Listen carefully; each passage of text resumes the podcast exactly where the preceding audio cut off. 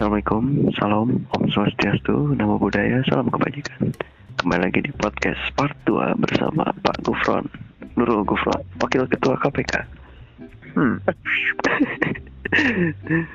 Sebenarnya kentang dari itu. Ada beberapa atau mungkin banyak hal yang belum selesai. Jadi pada part 2 ini mungkin obrolan akan semakin liar gitu. Kita akan bahas uh, free will atau kehendak bebas. Nah, menurut Bapak ada gak sih kehendak bebas itu?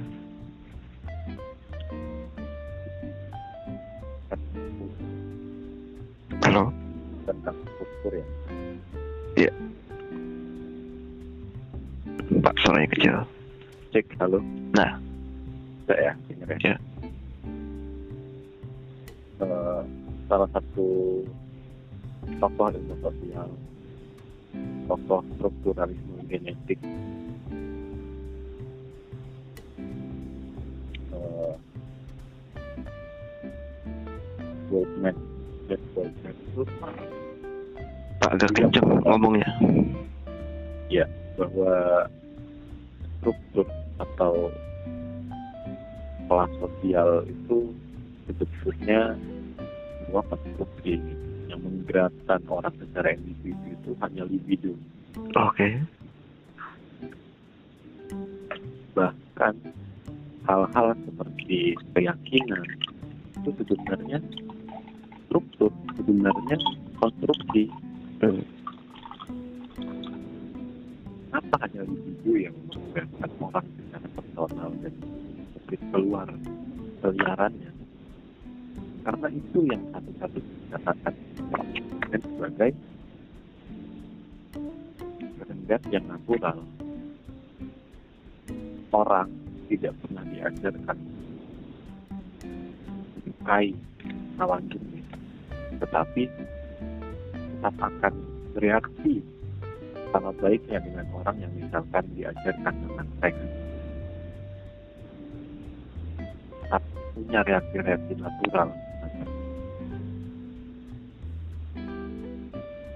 jadi bertindak bebas itu kira ada tapi terbatas pada hal-hal yang sulit kita deskripsikan atau kita dan mata kita jauh di dalam diri kita masih ada tingkat bebas itu. Oke. Eh, yang jadi pertanyaan adalah apakah libido itu subjektif ataukah objektif? Dia sifatnya objektif subjektif. ini menarik karena belum lama ini Oke. kalau tadi ya ada mahasiswa yang apa namanya secara terbuka ketika PKKMB Oh iya yang itu ya Pak. iya masih mengungkapkan Non biner itu. terkait eh, preferensi seksualnya Hmm. Sebagai non biner dan orang kampusnya memaksa dia untuk tidak bicara gitu. Aku kira itu suatu tindakan yang aneh gitu di dunia kampus. Iya. Kalau dia bicaranya misalnya di eh, pos ronda, aku kira bisa mendapatkan Oke. respon semacam itu. Tapi ketika dia di kampus, apalagi itu di fakultas hukum kalau aku tidak salah, Oke. kita tidak bicara soal dia biner atau non biner atau apa pun preferensi dia. Tapi ketika dia bicara menyuarakan eh, identitasnya, Hmm. aku kira perlu diwadahi dahulu, perlu ada diskusi di situ.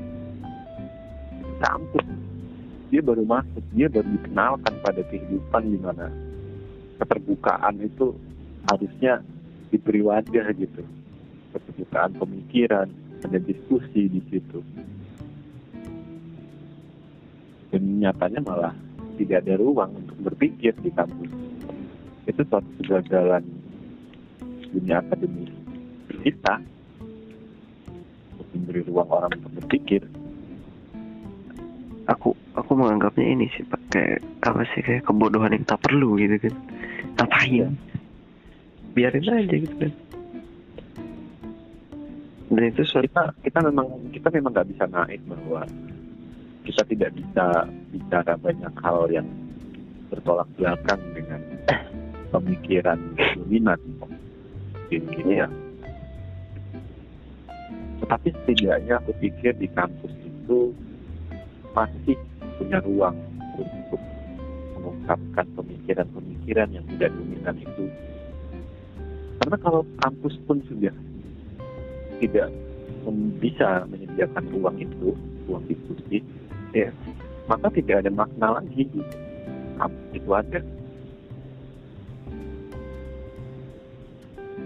Ya kamu baca kan pasti apa namanya sejarah sekolah bagaimana adanya Iya. ya, untuk bertukar pikiran itu maka dia sudah kehilangan maknanya sebetulnya tidak bisa menyediakan uang untuk ibadah. dan Tapi menarik soal free will. Iya kita bahas free aja. Kamu gimana? Itu itu suatu ini apa suatu bentuk tindakan yang merepresentasikan free will juga sih gue kira. Hmm. Dan yang bikin ironis adalah itu ya H, H plus 4 lah dari hari kemerdekaan kita.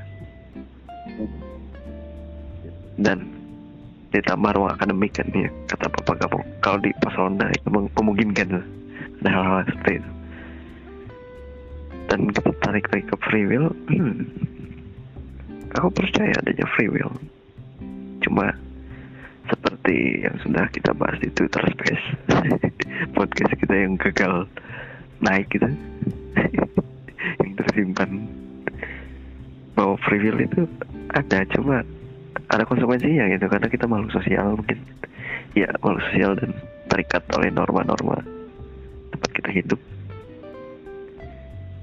Sehingga pada akhirnya ya kita harus setuju bahwa dengan ungkapan bahwa kita dikutuk untuk bebas gitu. Kita bebas cuma dikutuk. Iya. Itu kutukan. ya dalam setiap kebebasan yang kita ambil ada konsekuensi yang harus kita kompromi gitu yang harus kita tanggung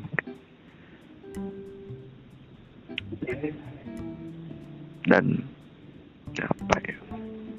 Tapi dengan dengan pola pikir bahwa kebebasan itu sebuah kutukan, kita bisa jadi memahami Hmm. bahwa si tikus itu bahagia. iya. Iya. iya iya. Iya iya. Iya iya. Karena diksi kutukan itu lebih ini juga ya lebih sakral gitu kan lebih apa ya binandang gitu kan kutukan.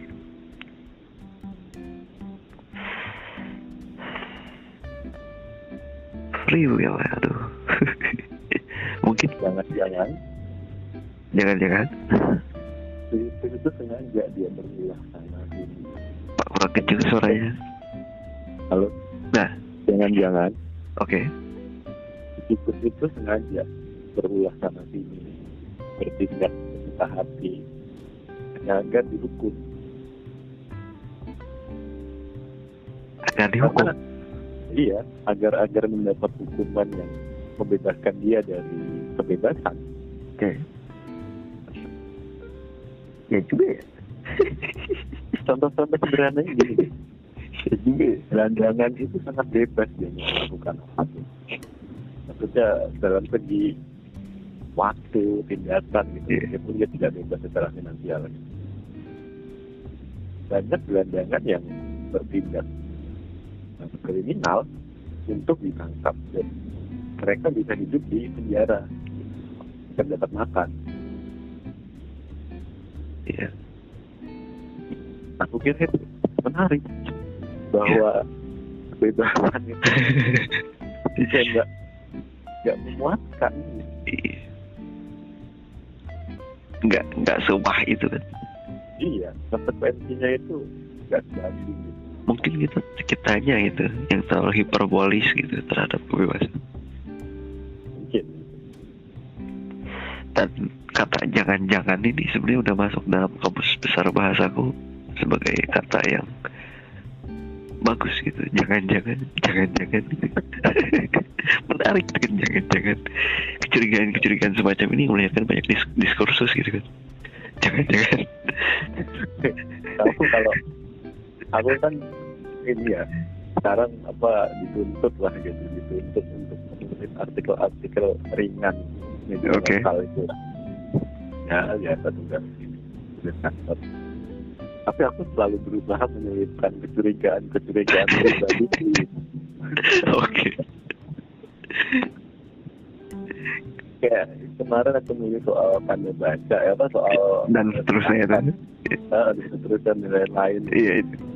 itu aku tutup dengan kecurigaan jangan-jangan kita Iya iya. tingkatan-tingkatan itu hanya karena kita malas gitu mengungkapkan seluruh isi rincian Iya. Biar terdengar intelek gitu kan. iya padahal kalau kita diminta untuk merincikan semua isinya itu kita tahu gitu kan kita kekurangan. Iya. juga. intelektual aja gitu. Kurang pengetahuan. Atau jangan-jangan emang cuma dua aja contohnya udah gak ada lagi. iya. Pokoknya cuma dua cuman kita seolah-olah bisa menambahkan hal lain yang tidak perlu kita sebutkan gitu. Jadi ya pada titik tertentu eh, dan lain-lain dan seterusnya dan sebagainya itu mereduksi makna yang sebenarnya gitu. iya bagus lah untuk kebutuhan apa ya mempercepat lah. Sekarang kan Nah ini aku punya pertanyaan terkait cepat atau singkat. Kayaknya banyak gitu buku yang menulis misalnya kayak Harari gitu, A Brief History of Humankind gitu kan, atau Hawking, A Brief History of Time. Nah, ada kecenderungan kecenderungan untuk menulis sesuatu secara singkat. Nah, itu kenapa Pak kira-kira? Nah, sedangkan Iya dengan misalnya kayak sejarah singkat umat manusia itu Sedangkan sejarah itu sendiri nggak bisa dibikin singkat gitu. Singkat. Iya singkat. Dan harus harus dibedakan betul antara singkat yang lengkap dengan singkat Oh yang iya. tahu banyak hal gitu. Iya dan lain-lain dan seterusnya itu menyingkat dan memotong sementara singkat bla bla bla itu aku kira bukan upaya untuk memotong Oke tapi untuk mengekstraksi hal-hal yang terlalu luas. Tujuannya apa? Ya untuk membaca lah. Kalau kamu mau mengenal Hawking atau Harari dari seluruh pemikirannya, mungkin kita butuh seumur hidup dia Oh iya iya iya. dan buku itu mungkin hanya ekstraksi dari keseluruhan pemikiran dia. Jadi kadang-kadang kan kita baca buku itu seolah-olah ketika menamatkan buku banyak orang yang merasa sudah memahami Harari sepenuhnya gitu Iya atau si, si paling hari gitu paling Harari Taunya Mas Harir gitu Iya apa ya? Harari. Iya. Padahal kan buku itu hanya karya. Misalnya bukumu deh, bukumu ada tiga. Misalnya. Ketika aku membaca karyamu, apakah aku bisa mengenali kamu sepenuhnya dari karyamu? Kan enggak. Iya Kamu masih punya banyak pemikiran yang Iya. kamu tuangkan gitu dalam karya kamu. Tapi banyak orang yang mengira sudah mengenal kamu hanya dari satu karyamu. Nah itu kegagahan itu Iya gegabah dalam menyimpulkan itu kita yang belum bisa dimiliki banyak orang ketika membaca. Dan jarang dibahas juga ya Pak Ke, ke Jarang, kegabahan itu kan Bahkan aku bisa bilang bahwa bedah buku segala macam itu hanya bicara tentang alur satu, bicara tentang hakikat maknanya, bicara tentang hal-hal yang tekstual. Nah, hal yang dilupakan dari bedah buku itu bagaimana sikap dalam membaca buku itu itu belum aku kira belum ada yang yang yang berani untuk membahas soal itu dalam sebuah kegiatan bedah buku misalnya. Iya. Misalnya orang-orang dewasa yang mem- membedah buku tentang buku dongeng anak-anak. Sikap dia harus berbeda ketika dia membaca Harari. Oh I see ya dia membaca Hawking. Kita bisa menanamkan sifat kecurigaan itu dalam membaca buku tertentu tapi kita tidak boleh curiga ketika kita membaca dongeng misalnya kita tidak boleh antipati terhadap kisah-kisah yang nonsens dalam dongeng di anak-anak itu Hmm. sikap itu yang aku kira juga perlu ditanamkan dalam membaca Iya. Aku ingin menyinggung sedikit yang obrolan awal tadi, yang Bapak bilang kalau eh, segala sesuatu yang ada di masyarakat itu dikonstruksi. gitu. Ha- Hampir semuanya lah. Aku jadi ingat yang di Harari itu yang di Sapiens bahwa yang bikin apa Sapiens atau manusia tetap bisa survive adalah kemampuan untuk ya was was itu untuk mengarang mitos-mitos ya bersama gitu mitos kolektif untuk kerja-kerja massal gitu. Dan aku tidak bisa membayangkan itu dunia tanpa mitos. Apa jadinya? Mungkin bapak bisa membayangkan itu dunia tanpa mitos. Ya itu tadi dunia yang dibayangkan. Mungkin oleh ya nggak bisa lah bahkan fasisme juga meyakini sesuatu kan? Ya. Fasisme meyakini sesuatu nggak? Iya meyakini orang ateis meyakini sesuatu nggak? Iya meyakini. Berarti kan ada mitos di dalam kumpulan mereka. Kalau nggak ada mitos chaos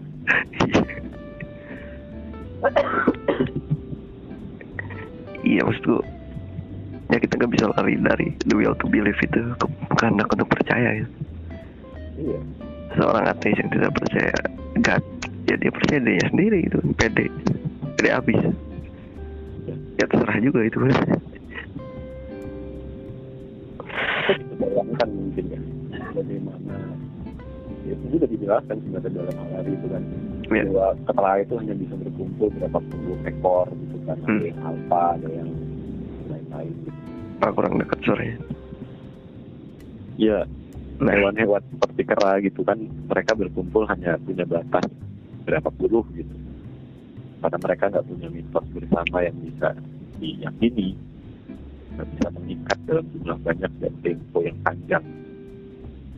Jadi kita bisa bayangkan masyarakat kita akan seliar itu ketika tidak ada mitos yang dipegang. Mungkin nanti nggak akan banyak banget pengikutnya. Kalau nilai-nilai dalam apa itu tidak dikuatkan. Kan Indonesia juga tidak akan bersatu ketika uh, Pancasila tidak ada gitu. iya. tidak ada mitos eh, geografis gitu atau Nusantara bla bla bla bla jangan kan kita bicara hal-hal yang benar-benar besar anak kecil ditakut-takutin sama dapat nilai jelek dia bisa loh sampai berani nyontek atau belajar giat atau melakukan hal-hal yang yang effort gitu misalnya kerja kelompok yang padahal di kelompok itu dia nggak suka. Musuhnya misalnya di kelompok itu. Hanya karena dia takut-takutin nggak naik kelas hanya karena takut-takutin nilai ada nilai. Mahasiswa juga kayak gitu. Mau begadangan bikin skripsi. Hanya untuk kita mendatangani rektor yang korupsi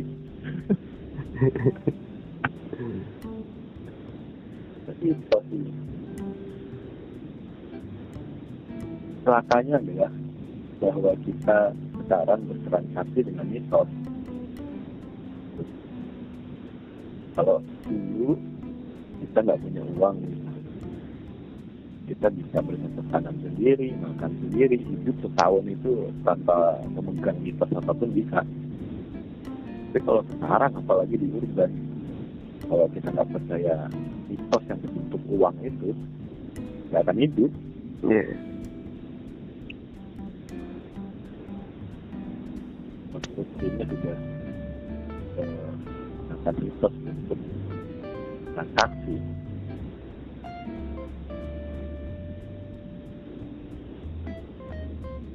Hmm. Jadi memang sepertinya secanggih apa pun manusia ya tetap ada itu mitos. Nggak bisa hilang juga. Iya. Atau katakanlah hal-hal yang berbau fiksi gitu. Akan tetap ada Iya. juga.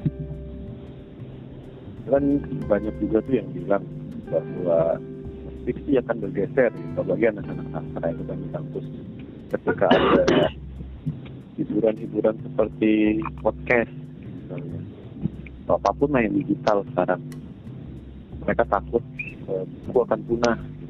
Iya. menurutku nggak akan. Bahwa yang berbentuk cetak itu pelan-pelan akan tergerus mungkin mungkin.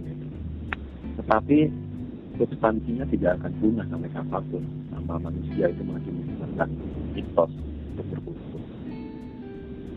Karena nikmati. Mereka menikmati mitos itu selain di selain diatur oleh mitos mereka juga menikmati mitos Baik. Iya. Dan seperti ini ya, seperti pisau berbata dua gitu. Terus itu bisa bikin kita damai atau bikin kita perang gitu. Dan agak agak lucu juga ketika banyak atau satu bangsa berperang gara-gara mitos yang berbeda gitu. Iya. Ideologi yang berbeda Iya. orang berantem gitu. itu yang paling pasti adalah hukum alam fisika itu justru itu justru mitos yang mau nggak mau harus diakui bersama Iya. Kita nggak pernah berdebat tentang gravitasi. Saya nggak percaya gravitasi. Oh ini kita kan banyak ini belakangan soal apa flat earth gitu kan. Iya. ya maksudnya itu perdebatan yang sebetulnya tidak mengganggu apa pun dunia ini gitu. makanya jadi lelucon kalau dia tidak mengganggu saya saya percaya gravitasi maka saya mengambang juga. Nah itu baru jadi bukan teori baru. Baru. Karena mungkin Iya. nggak ngerti juga gitu kan.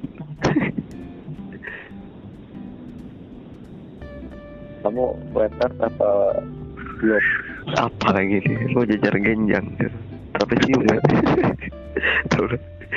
yang jelas bumi itu enggak simetris. Atau asimetris Ini itu keras kalau kata gue Iya. ini lah- harusnya diputar ini nanti aku masukkan lagu Interstellar. Teng teng teng teng. Hans Zimmer gitu. Bahas ini aku agak random nih aku tarik ke hal yang cukup liar terkait time travel gitu. Nah, ada. Bapak percaya sih dengan time travel ini?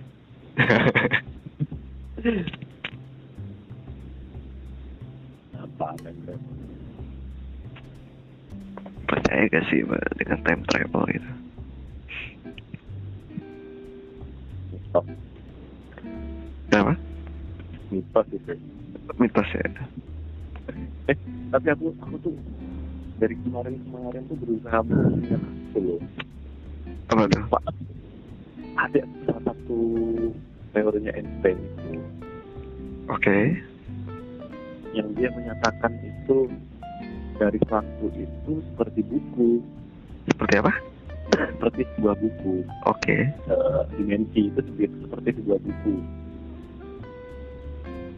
jadi eh, awal dan akhirnya itu sudah ada bab satu sampai bab 10 lah katakan Oke.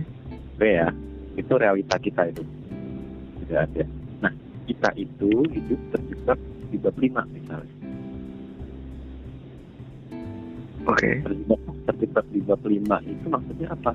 Seluruh kehidupan kita itu yang kita alami sekarang itu detik ini di bab 5. Bab 10 kita akan alami itu misalnya eh, 10 detik lagi.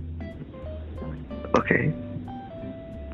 Kita gimana pun caranya tokoh di bab 5 itu nggak bisa sampai ke bab 10 sebelum waktunya kan.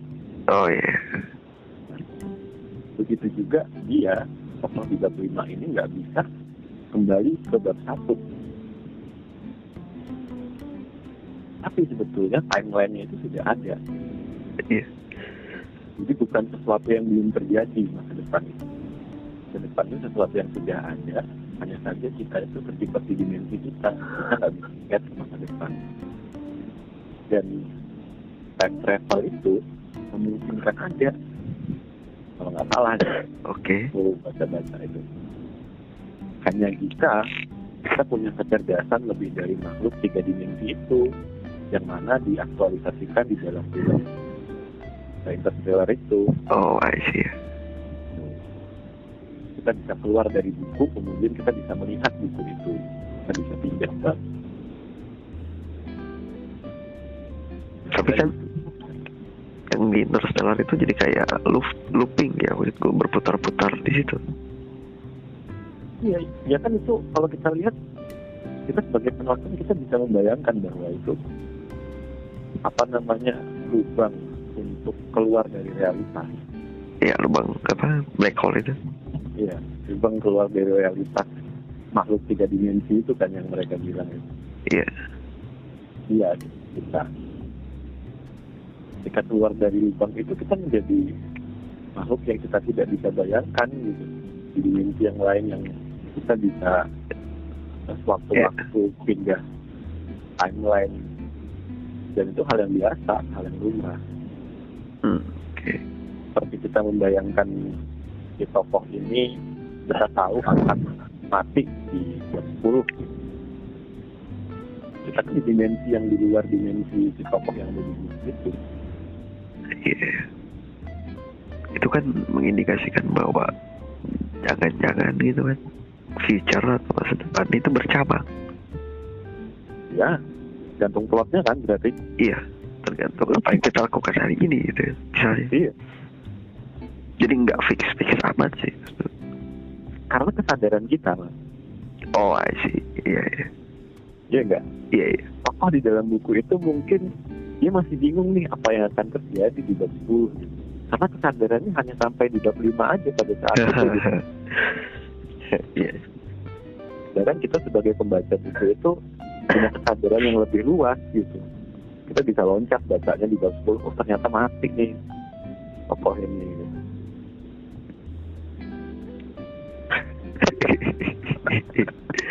Gimana, Dan- menarik menarik sih, menarik. Maksudku, pernah baca lupa aku teorinya apa ya tuh iya.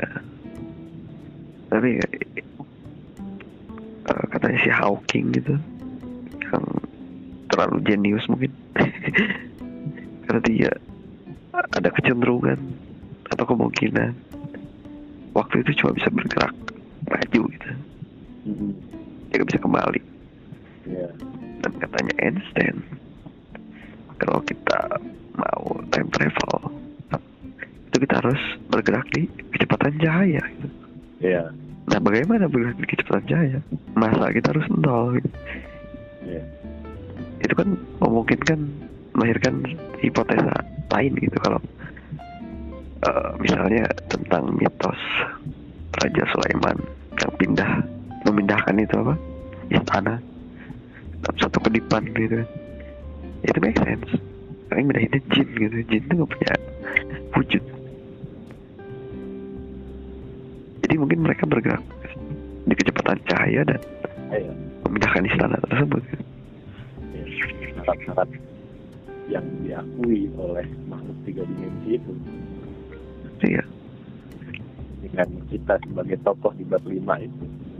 Iya. Kita membayangkan apa yang terjadi pada orang-orang di luar buku ini. Ya masalahnya kita makhluk tiga dimensi gitu. Kita nggak bisa membayangkan makhluk empat dimensi atau dimensi kelima gitu. Jangan kan membayangkan makhluk empat dimensi membayangkan siapa penulis kita aja kita nggak bisa. Iya. Dan di situlah mungkin fiksi bermain gitu kan kita lagi ngobrol gini kan sebetulnya kita sama-sama membayangkan apa yang terjadi. Iya. Itu fiksi bekerja ini benar-benar kumpulan yang sangat abstrak kan mana aku tulis lagi? Di sipi aku kira kok. Mampu berpikir abstrak.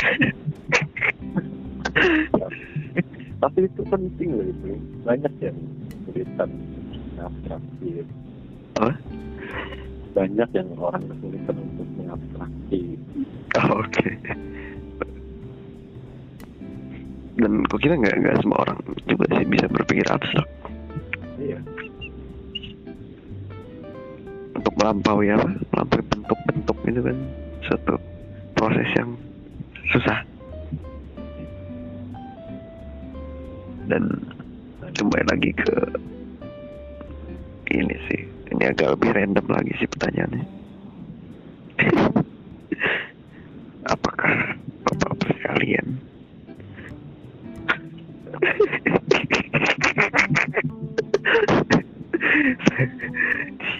gila. Pertanyaannya random. Random banget. Percaya percaya percaya oke.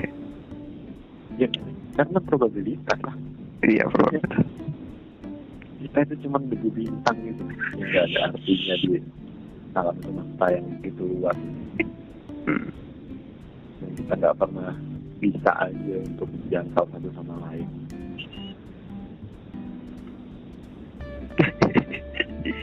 Dan ada triliunan gitu kan galaksi. Iya. Nyaran gitu kan. Iya. Belum planet-planetnya ya. Kalaupun kalaupun nggak ada pun ya terus apa gitu? Kalaupun ada kenapa gitu? Nggak ada kenapa gitu. Iya Ya, sih. kita hadapi deh realitas yang kecil ini yang kita hadapi sehari-hari ini. Tapi yang gue baca tuh kalau secara sains tuh kiamat masih lumayan lama pak. 5 sampai 7 miliar tahun lagi matahari ini meledaknya. Ya. Kita bisa membayangkan berbagai macam ini nanti yang terjadi kan? Iya. Tapi yang paling dekat ya itu. Krisis iklim. Pemanasan global. Pemanasan global itu. Dan ya, apa ya? Tapi gue kira eh, kesadaran akan lingkungan ini tiap tahun makin naik ya meningkat gitu Iya, sampai Makin- semua orang sadar itu nanti pada saat kita sudah nggak punya apa lagi untuk dimakan. itu Gandhi ya. Ya ya terus aku. Oh, kita ada itu untuk merusak kok. iya. Kurang kencang suaranya Cek kalau nah jadi sebenarnya ya, manusia itu ya apa ya makhluk yang nggak hasilin apa-apa kan? Iya,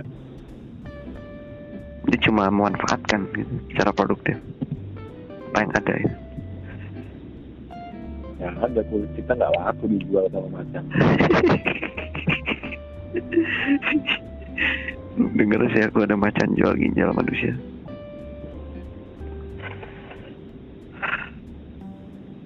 Menarik bahwa melihat alam itu sebagai wadah juga sebagai ancaman Hmm.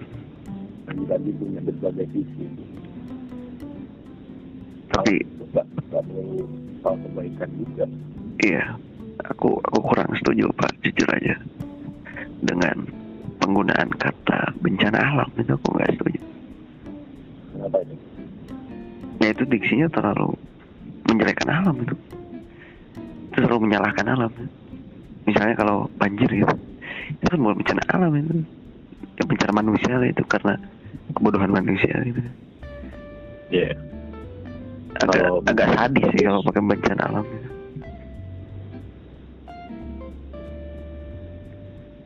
Kalau gunung gunung meletus ya ya bencana alam, itu bencana alam. bencana alam. Maksudku Tapi iya hal-hal yang bisa yang ada peran manusia gitu kayak longsor gitu kan, kayak pengunduran hutan bla bla bla. Kebakaran hutan atau lain-lain. Kayaknya nggak mungkin juga kayak sinar matahari bikin kebakaran hutan. Agak-agak logis sih. mungkin ya secara makna itu kan kadang-kadang rasa itu dibentuk dari berbagai macam situasi bencana alam itu bukan hanya bencana yang disebabkan oleh alam bisa aja mungkin bencana yang terjadi di alam gitu. Iya. Dan apa ya? Sekarang lebih random lagi pertanyaannya. itu terkait kayak apa sih pohon hujan bla bla bla itu tuh beneran ada atau enggak sih? Penasaran. gimana gimana Terkait apa pohon hujan gitu gitu itu beneran ada apa gimana? itu kan kemarin apa namanya sempat ada pembahasannya itu. Ya. jadi memang ternyata ada ada ilmunya itu Oh, I see. tapi memang bukan dengan cara mistis macam itu kan ada sih yang orang dulu pas kuliah dia belajar soal cuaca Rekayasa cuaca gitu. nah gitu gitu jadi memang ternyata ada metodenya untuk bukan hanya meramal ya prediksikan cuaca tapi juga menggeser cuaca Hmm.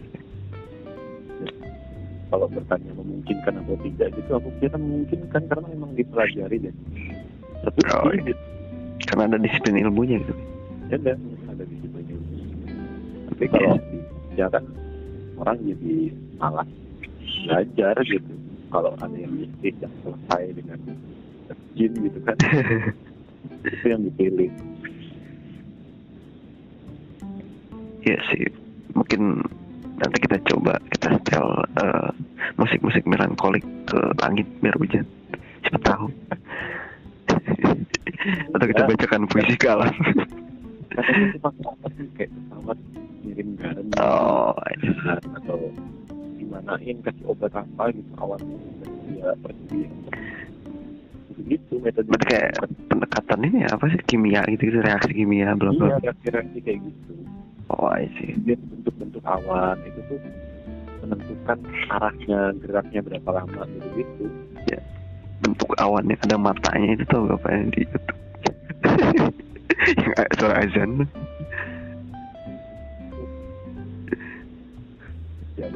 tapi aku jadi nyadar gini loh.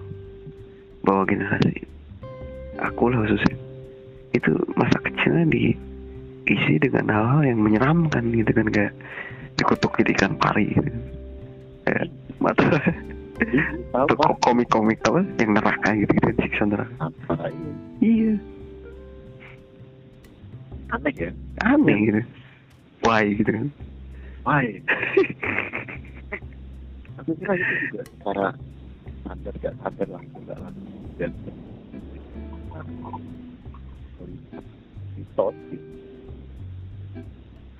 ada apa namanya konsekuensi gitu. Balik setiap tindakan kayak gitu kan gitu Iya. kamu. kalau kalau bertindak seperti nanti jadi ikan pari kamu. Kamu kan nggak baca yang sejarah apa? Paling kundang itu ternyata dibuat oleh eh, penjajah itu. Aku baru dengar sih itu Iya katanya memang itu dibuat bikin mitos dengan tujuan tertentu gitu Jadi dengan tujuan biar bikin mitos biar eh berbakti sama, sama Hmm. orang tua kayak gitu. Sangat mulia itu Jan itu cuman kan wow dibohongin kita wow. Ini jadi batu sisipus ya. Jangankan yang benar-benar bersifat mistis semacam itu ya. kita aja percaya bahwa orang-orang yang kerja lobby itu nggak dibayar sama sekali. Gitu atau kayak apa? 350 tahun gitu kita percaya. Iya kita percaya. Sebenarnya mati di Indonesia aja banyak orang percaya. Gramet loh itu yang nerbitin Tapi, aduh. Tapi ya bum aku kira ketika, kita bicara sejarah ha- pasti ada itu bumbu-bumbu yang spektakuler yang clickbait gitu iya. Selalu ada gitu bahwa dan itu yang bikin orang mau belajar sejarah gitu. Yang eh iya. Iya. Kalau gak kan gimana? Kita itu menyaring cerita pasti Oke. dan ketika kita ungkapkan itu nggak bisa sama persis apa yang terjadi. Dan Hmm. apa yang terjadi. Bahkan ketika belum dituliskan kita nih ngobrol sekarang Oke. apa aja pembahasannya? Kamu cerita ke kawanmu soal obrolan malam ini. Pasti ada hal-hal yang tidak eh, tersampaikan ketika ke kawanmu misalnya Iya. iya. beda lah gitu beda mungkin kawanmu cerita lagi soal kejadian malam ini gitu Wah. misalnya dalam bentuk tulisan gitu. beda lagi Iya. jadi proses filtrasi atau reduksi itu terjadi terus menerus sampai dibuat film gitu kan itulah yang terjadi bahwa otak kita sebetulnya ciptakan kepalsuan-kepalsuan Iya. Itu kayak proses terbentuknya agama sih kira. mungkin mungkin Karena banyak curiga. kita perlu curiga Iya. Podcast kecurigaan Iya. Itu yang bikin kita tetap waras gitu curiga. Walaupun sering pandang atau konotasinya negatif gitu curiga tuh. gimana Iya kan orang-orang mandangnya curiga itu konotasinya negatif gitu. Ya, men- Menurutku positif itu kan sangat, sangat pengetahuan gitu. curiga. Karena curiga kan. Selain- selain keyakinan perlu dicurigakan Iya. Apalagi kalau terlalu rapi gitu. Terlalu apa ya? Too good to be true gitu. Kayak kayak gak mungkin kita tanpa curiga eh, Newton bikin gravitasi. Tanpa curiga Einstein ngelamun tentang IMC kuadrat bla bla bla. Ya gak ada perkembangan juga kalau gak curiga. tapi yang tapi yang menarik adalah bahwa kita pada tahap tertentu tidak lagi memusingkan apakah itu benar atau palsu kita menikmati narasinya saja Nah, iya. iya nggak Iya, iya. nah, kan lah itu bener salahnya. iya nggak peduli kayak kita dengerin ini aja paranormal paranormal experience gitu Nah, cerita soal hantu KKN misalnya kita ya adalah orang yang mencari kebenaran ya segala macam ya, meskipun sudah ditelusuri juga kan kita nggak bisa membuktikan apakah itu benar atau tidak gitu Iya. tapi at the end ujung-ujungnya kita menikmati ceritanya itu yang kita cari pengalaman mendapatkan cerita itu Iya. bukan kebenarannya jadi impuls-impuls emosi itu yang kita cari. Nah sekarang kamu pernah nggak nggak surga Bukan macam apa ya? Pernah sih. Dalam bentuk Hah? yang lain ya. Eh, ini udah beda surga dunia langsung, langsung nggak beda surga Tapi secara teologi itu belum sih. jadi nggak ada lah Nggak ada lah. Tank ya kebun mungkin. Maksudku puncak gitu. Sebenarnya. Itu kan kita tetap berproses, kita tetap menikmati narasi agama ini. Kita tetap meyakini. Itu kita pernah melihat kebenaran. Iya. Berarti ada indikasi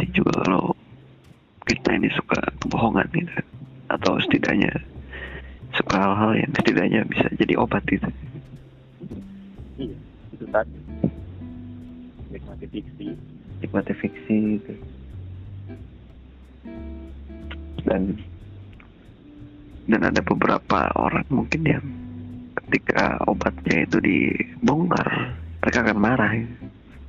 Iya. Karena tidak semua orang perannya sebagai pengarang. Nah, Tapi tindakannya mengarang. hmm.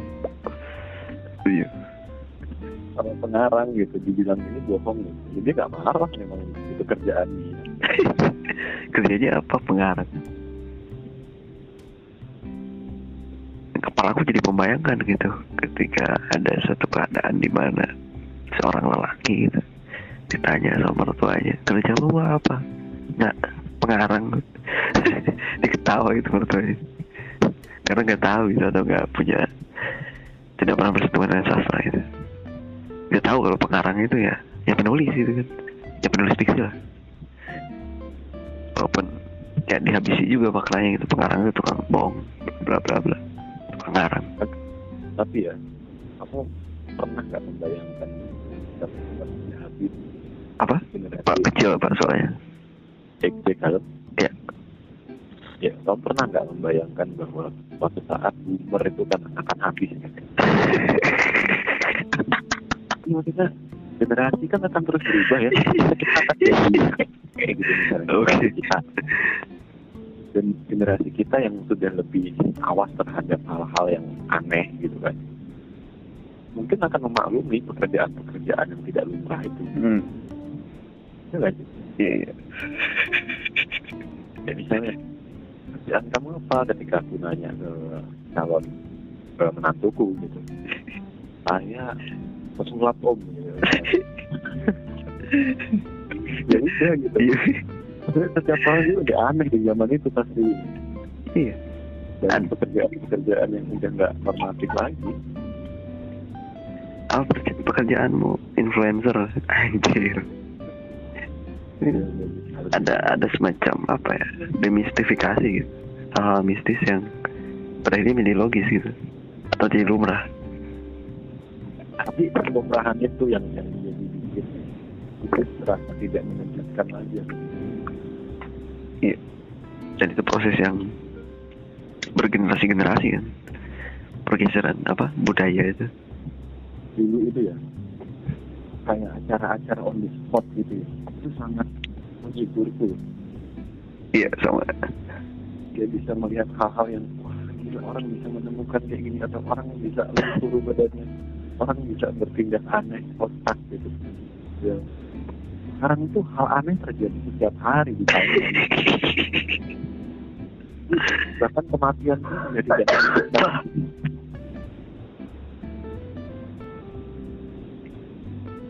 iya. Hal aneh itu biasa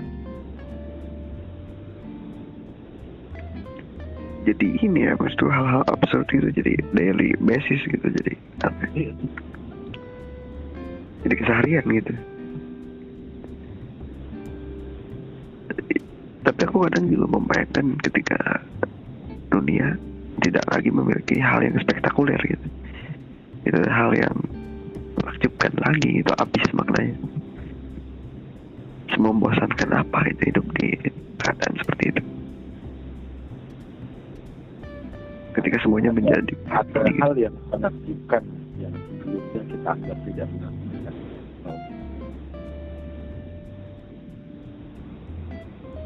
Iya sih. Selalu ada apa selalu lahir lah rasa takjub itu. Dan rasa- yang yang yang sedang aku alami saat ini justru bukan soal ketakutan tapi soal ketertinggalan oke. aku nggak tahu kamu sudah mengalami atau belum tapi aku di lingkungan tempat tinggalku di kos kosan itu Oke. Ada beberapa mahasiswa baru lah baru masuk gitu. Eh, satu ketika membicarakan soal selera musik dan lain-lain. Aku merasa sudah tidak relevan lagi gitu. Gila nggak gitu? Aku udah berubah ya ternyata. Mereka dengerin kita besari lah apalah band-band yang aku nggak kenal anjir Aku taunya The Smith itu kan Radiohead. Iya. ya ketertinggalan ketertinggalan itu aku kira yang kayaknya aku nggak bukan nggak bisa kejar ya dikejar pun kayak terlalu maksa gitu iya. Dan ngapain juga kan? kayak ini tuh zamannya mereka aku juga begitu mungkin ketika dulu kayak waktu klub bola lah atau atau apa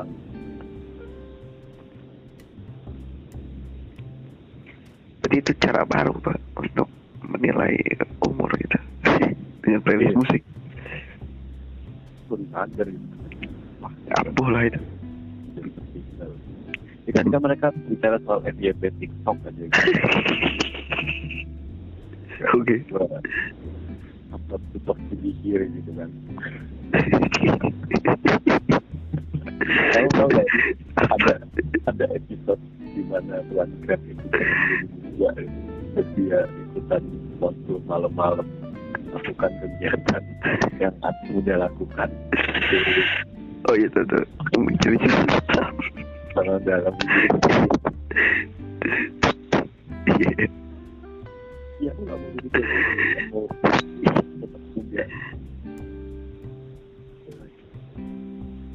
gitu ya bohongin makanya Soalnya gerak zaman itu cepat.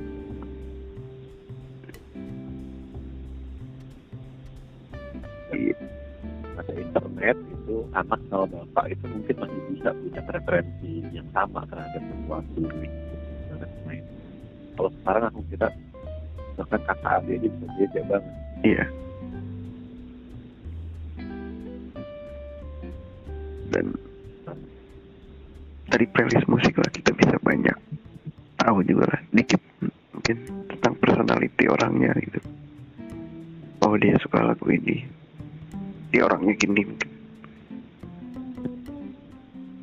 Ada persepsi-persepsi tertentu gitu. Tapi menarik soal musik. Iya. Eh,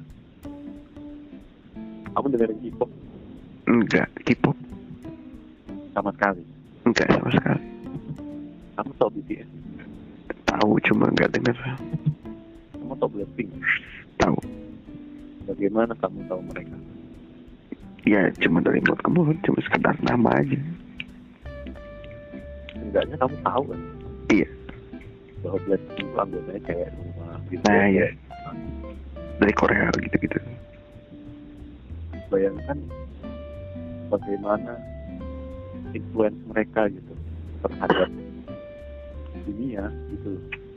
Oh, I see. Ketika, ketika kita nggak menyukai musiknya tuh kita pernah dengar namanya, Eden nggak?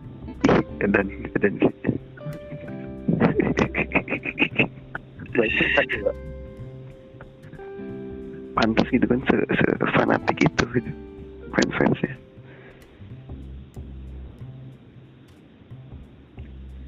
iya kok bisa gitu. Cuma heran kok bisa ya. dan apa jadi semacam ini juga apa mesin raksasa juga yang menyeramkan malah ini basis fansnya yang overpower itu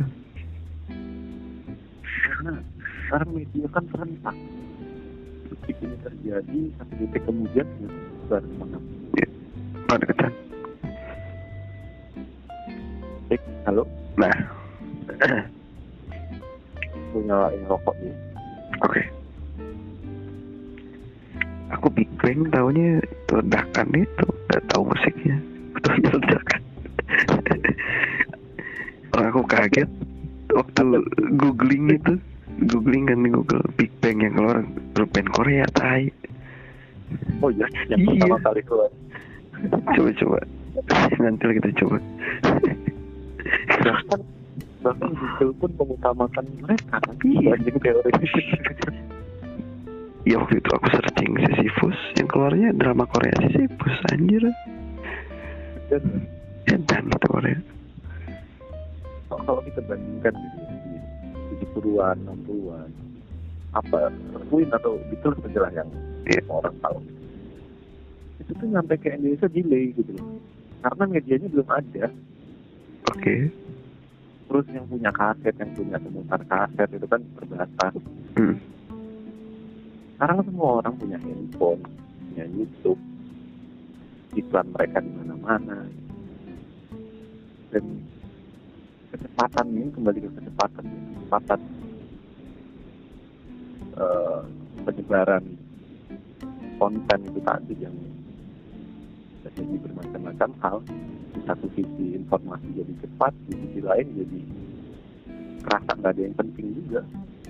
Iya. Dan apa ya konten-konten pun jadi sekali lewat aja gitu. Scroll scroll lewat scroll scroll lewat. Iya. Itu juga yang membunuh apa namanya legenda. iya. Legacy juga mati jadi apa ya segala sesuatu kehilangan eksklusivitasnya gitu. Ya gak ada lagi yang benar-benar eksklusif gitu. Di dunia yang bebas akses.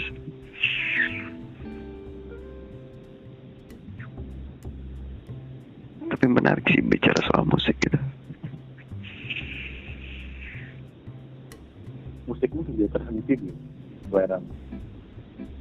musik-musik paling nggak musik-musik agak random juga sih kayak kadang aku denger misalnya Muse satu album atau Radiohead satu album atau Cigarette After Sex satu album yang mana secara genre mungkin ya beda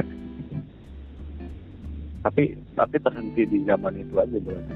iya Maksudnya nggak explore musik-musik baru. enggak sih enggak enggak enggak enggak enggak enggak 2000-an sih kayaknya. Iya, 2000 bahwa jangan mulai tertinggal kan. iya udah merasa tua. Karena aku nyetel apa Green Day atau MCR itu disangka tua. Tai. Lu mah belum lahir aja Pengen bilang gitu aku. Ada. Ada masanya Green Day itu dibilang musik modern. Iya. Sekarang aku disebut boomer kayak nyetel Green Day yang basket case Atau MCR yang cancer itu. Atau yang Welcome to the Black Parade itu. When I was Dan ketika aku coba explore musik-musik baru yang nggak masuk juga Aku kira. Iya paling denger sekilas. Iya nggak bisa cetak gitu. Nggak, nggak masuk. IDM, IDM gitu nggak. Kadang kadang aku malah sengaja. Apa ya faktor FOMO itu kan. Aku malah cul- culture shock dengerin musik-musik sekarang aku sengaja cari Indonesia terbaru gitu kan di apa namanya Spotify gitu. Dia puter aja eh, di kantor gitu kan pakai headset. Ya udah sekali itu aja sampai situ juga baliknya udah ada apa lagi. dan apa apa ya musik-musik sekarang nggak ada soulnya gue kira nggak ada jiwanya Yang yang juga menarik adalah bahwa banyak band-band sekarang itu pakai sound-sound yang zaman dulu. oh iya Enggak nggak sih? Pakai vintage-vintage gitu deh.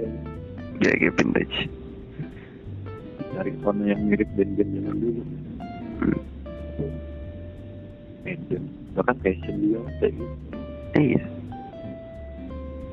polanya selalu gitu hal-hal yang arkaik tuh jadi estetik Iya sekarang ini. Dan kan aku kira juga menjaga anak-anak yang apa namanya pecinta buku itu itu baru loh, mas. itu baru Baru. oke Aku kira di zamanku SMP lah atau masuk SMA itu, itu tuh masih dianggap ngerti itu orang yang baca buku tuh diem-diem di rumah, gak berani orang menunjukkan dia suka baca buku.